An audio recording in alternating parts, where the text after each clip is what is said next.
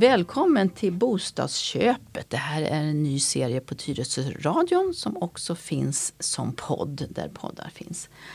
Vi har ju gjort ett program tidigare och idag ska vi göra det andra programmet. Jag heter Katarina Johansson Nyman och vem har jag mer med mig här i studion? Jag heter Anna Svanholm och kommer från Skandiamäklarna i Tyresö. Hej Anna, hur är läget? Ja men det är bra tycker jag. Ja. Det är bra. Vi har kommit in i oktober men den sköter sig än så länge. Ja, och det är ett tag sedan vi sågs men nu ska vi göra det andra programmet här. Och vad är det vi ska prata om idag Anna? Idag ska vi prata om hur man finansierar sitt boende när man ska köpa en ny bostad.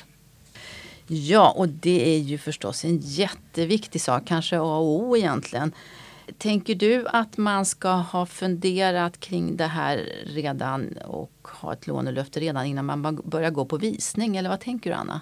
Jag tycker man ska vara förberedd. Eh, när du går på visning, när du väl har bestämt dig för vilken typ av bostad du vill ha och vad du känner att du har råd med eller tror dig ha råd med så ska du ta kontakt med din bank.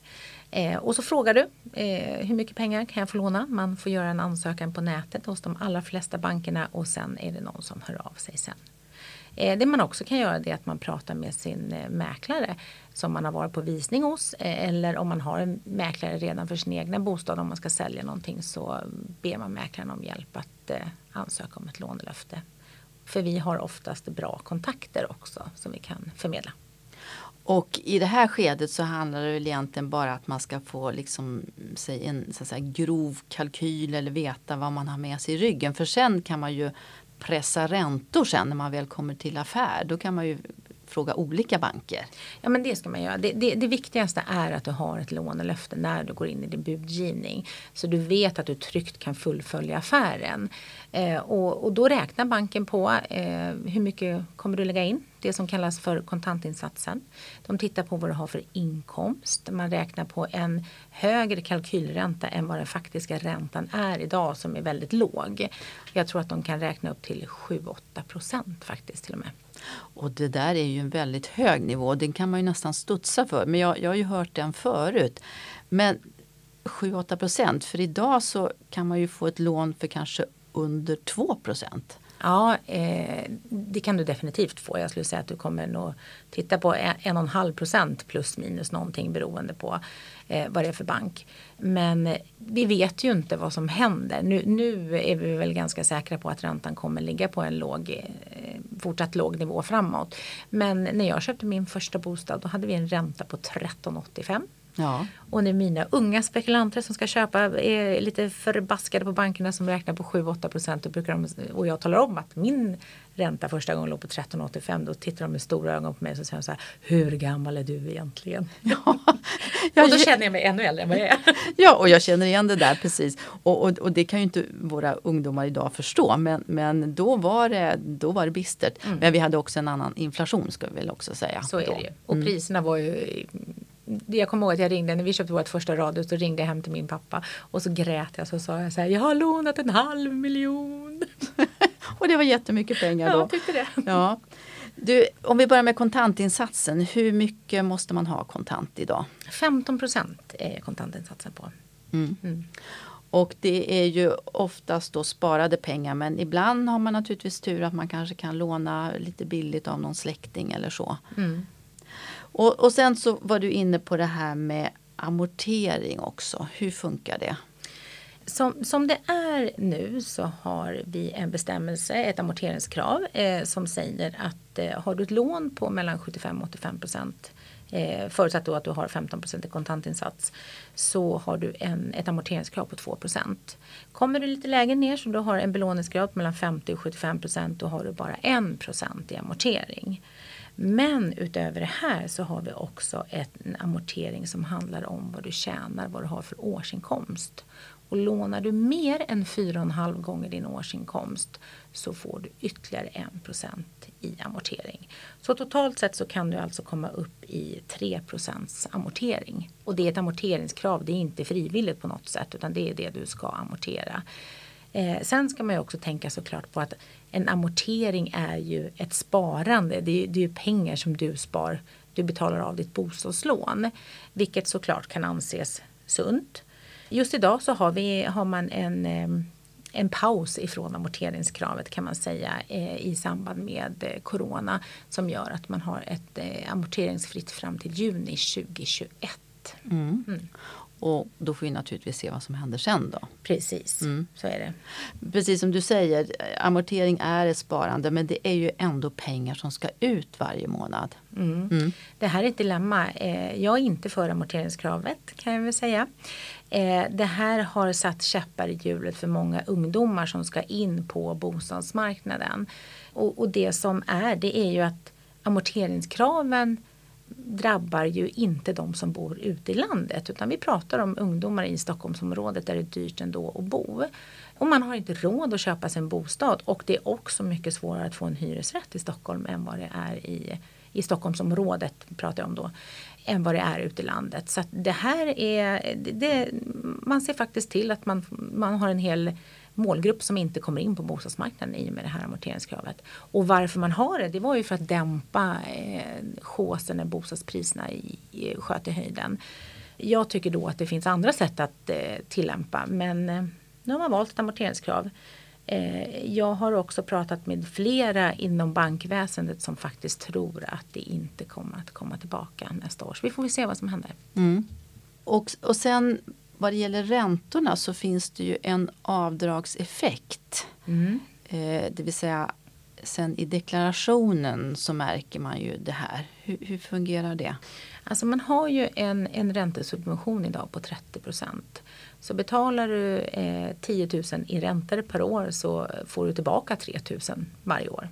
Så mm. är det. Mm. Och den är ju omdebatterad nu. Ska den vara kvar eller ska den inte vara kvar? Det får vi väl också se vad som händer. Just det. Men det är ju ändå så att pengarna ska ut men sen så får man tillbaka det i deklarationen. Mm. Så det här Precis. måste man ändå likviditetsmässigt så måste man kunna hantera det här. Så är det. Mm. Mm. Om man köper fast egendom, det vill säga ett hus då, där man också måste söka lagfart och det kanske också är pantbrev som man måste ta ut då tillkommer ju också den kostnaden som man måste tänka på att man har finansiering för. Så är det och det är ganska mycket pengar. Eh, köper du ett hus för 5 miljoner kronor säger vi eh, och eh, säljaren av det huset är ett äldre par. De har 500 000 kronor i lån och tycker att de är jättenöjda och tycker att det är fantastiskt bra. Eller de kanske, bara, de kanske inte har några lån, de kanske har pantbrev ska jag säga på 500 000. då behöver du ta ut nya pantbrev på mellanskillnaden från din kontantinsats. Eh, och eh, pantavgiften är 2 på, på beloppet vilket betyder att det kostar 20 000 per miljon att låna en miljon kronor. Mm. Sen följer de fastigheten så att det, det är har du tagit ut pantbrev på 3 miljoner så följer de fastigheten även sen när du säljer. Så att det, de ligger kvar på fastigheten. Mm. Men man löser ju lånen. Just det, så, så, om man till exempel måste ta ut pantbrev på 3 miljoner då är det 60 000 extra alltså? Ja, precis. Mm. Och utöver det så tillkommer då lagfarten, lagfarten som är 1,5 procent på mm. köpeskillingen. Mm. Så att det blir lite pengar. Det är 75 000 kronor på ett hus för 5 miljoner. Brukar man normalt få låna för det här? Ja, man bakar in det i lånet. Mm. Mm, det gör man. Så det är banken. Ja, men fortfarande så är det ju de här 15 procenten i kontantinsats som gäller. Så att eh, det måste man ändå tänka på. Ja, och man kan ju också ta en viss del in blankolån så att säga, men då blir det ju en högre ränta då, då eh, beroende på hur, hur givmilda bankerna är. Mm. Men, men 15 procent är det generellt. Mm. Så bra kontakter med banken, det är alltid bra att ha. Det är A mm. så är det. En bra bankman. Mm. Om man till exempel är ett par då som, som köper en bostad och så går man in med olika andelar. Hur ska man tänka då? Generellt sett så tycker jag att det är viktigt att eh, man har samma andelar i sitt ägande som man har andelar i bolånet. Det, det, är någonting som jag tycker att man ska tänka på. Går man dessutom in med olika andelar och olika kontantinsatser eller ska äga olika andelar så tycker jag också att man ska ta hjälp av en jurist så att man får så man vet hur man ska reglera det vid en eventuell försäljning om man har en separation. För att det är alltid lätt att eh, komma överens om saker och ting när man är nykär. När det har hänt någonting och man inte längre är lika kär då är det inte lika lätt att komma överens. Så se till att reglera allting från början. Du sa att det är bra att man har ett lånelöfte med sig när man då väl går in i en, en process och ska börja buda. Du då som är mäklare, brukar du fråga då om man har ett lånelöfte? Mm. Det gör jag och det är för att säkerställa olika faktorer. Det är ju så att jag vill ju inte stå på sluttampen och ha en spekulant som har varit med i en budgivning som inte har ett lånelöfte. Dels för att det kan vara en spekulant som då inte kan fullfölja köpet och då eh, får säljaren börja om processen igen. Sen är det också viktigt för alla andra spekulanter att veta att samtliga som deltar i budgivningen har ett lånelöfte. För ingen av oss som köper en bostad vill hamna i den situationen att vi budar mot någon som faktiskt inte kan betala. För då blir ju det det känns ju inte seriöst. Nej, Så jag tycker att det är jätteviktigt att man frågar mm. och säkerställer att samtliga budgivare har lånelöfte. Precis, för annars kan ju priset trissas upp av så att säga luftpengar som inte finns. Ja, så är det ju. Mm. Mm. Definitivt. Och brukar du begära in då de här lånelöftena eller hur, hur, hur ja, säkerställer vi du det? Ja, men vi frågar om de har lånelöfte och vilken bank de har i så att vi kan säkerställa det gentemot banken sen också. Mm. Mm. Och här i Tyresö antar jag att ni har väldigt goda kontakter med samtliga banker? Ja men det har vi definitivt. Sen har vi väl ett, ett större samarbete med vissa av dem såklart. Då. Så att, eh, nej men det funkar bra och vi har, eh, tycker jag, bra service från bankerna här i Tyresö också. Hur lång tid kan det ta innan man får ett lånelöfte? Eh, det kan ta upp till en vecka eller två i vissa lägen. Och det går ju inte om man har, är mitt uppe i en budgivning och inte har förberett sig. Och då är det ju skönt att vi har bra kontakter med bankerna och vi får ett lön, lånelöfte alltså till Får vi det inte samma dag så kan vi få det till dagen efter. Så vi kan hjälpa våra kunder med det. Men då har vi ett samarbete med en bank som hjälper oss. Mm. Mm. Och hur länge varar ett lånelöfte då? Jag skulle säga att nu i de här tiderna så är det väl tre månader som det varar. Och sen får man söka nytt lånelöfte hela tiden. Och oftast är det en lättare process då. För har man inte förändrat sin inkomst och det inte hänt något drastiskt så förnyar de bara lånelöftet så att säga. Då, då. Och då tar de en UC så man får en ny UC och då brukar många äldre vara lite rädda för att säga att vi ska absolut inte ta, jag vill inte ha någon UC men jag ser inte vad problemet är om jag ska vara ärlig. För det är ju faktiskt så att de tar en UC så fort en näthandlar idag så är det någon som plockar ut en UC på det. Så jag tror inte att det är samma betydelse idag som det var för kanske 25 år sedan. Nej, det har du rätt i. För, för så är det ju. Det får man ju hela tiden. Ja. ja. Mm.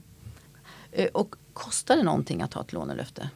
Nej, det kostar ingenting. Det, det, är ju så att du kommer förhoppningsvis bli en framtida kund till banken. Så att ja. de är måna om att hjälpa dig med ett lånelöfte mm. också. Men, men, det viktigaste är ändå att man är förberedd. För det går ju otroligt fort. Ibland har vi visning söndag, måndag och vi har kontrakt på tisdagen. Oj. Så att det går undan i vissa lägen, så är det. Ja, då mm. gäller det att vara förberedd och ha ja, men så är det. det här innan. Det man också ska tänka på ska jag säga, det är att flera banker har ett generellt lånelöfte. Det vill säga du får låna 5 miljoner kronor och din kontantinsats är en halv miljon säger vi, eller en, en miljon då, vad du nu lägger in. Och eh, sen när du väl ska köpa så vill de att du får ett slutgiltigt lånelöfte på just det här specifika objektet. Så det är väl värt att tänka på också. Och köper du till exempel en bostadsrätt så är det så här att då kan du ha ett lånelöfte på en summa men att avgiften inte får överstiga en viss summa också. Så det gäller att man har koll på vad det är man har eh, lånelöfte på om man skulle ha en betalningsanmärkning till exempel, kan man ändå få lånelöfte? Mm, det kan man få. Det finns alternativa banker eh, som hjälper till med lånelöfte även om man har en betalningsanmärkning. Eller om man till exempel har ett nystartat företag så att man inte kan visa att man har den inkomsten. Det blir en högre ränta men det kan ju fortfarande vara så att det är billigare ändå att köpa en bostad än att faktiskt eh, bo i en hyresrätt. Så det kan vara ett alternativ att titta på. Och samma sak där, det går att prata med sin mäklare så kan de förmedla kontakterna. Det är alltid bra. Bra kontakter med banken och en bra mäklare. Då löser det sig. Jag brukar göra det. Ja. Mm. ja, då säger vi tack så mycket för idag. Jag heter Katarina Johansson Nyman. Tack så mycket från Anna Svanholm. Tack, tack. Tack, hej då. Vi hörs igen. Mm, hej.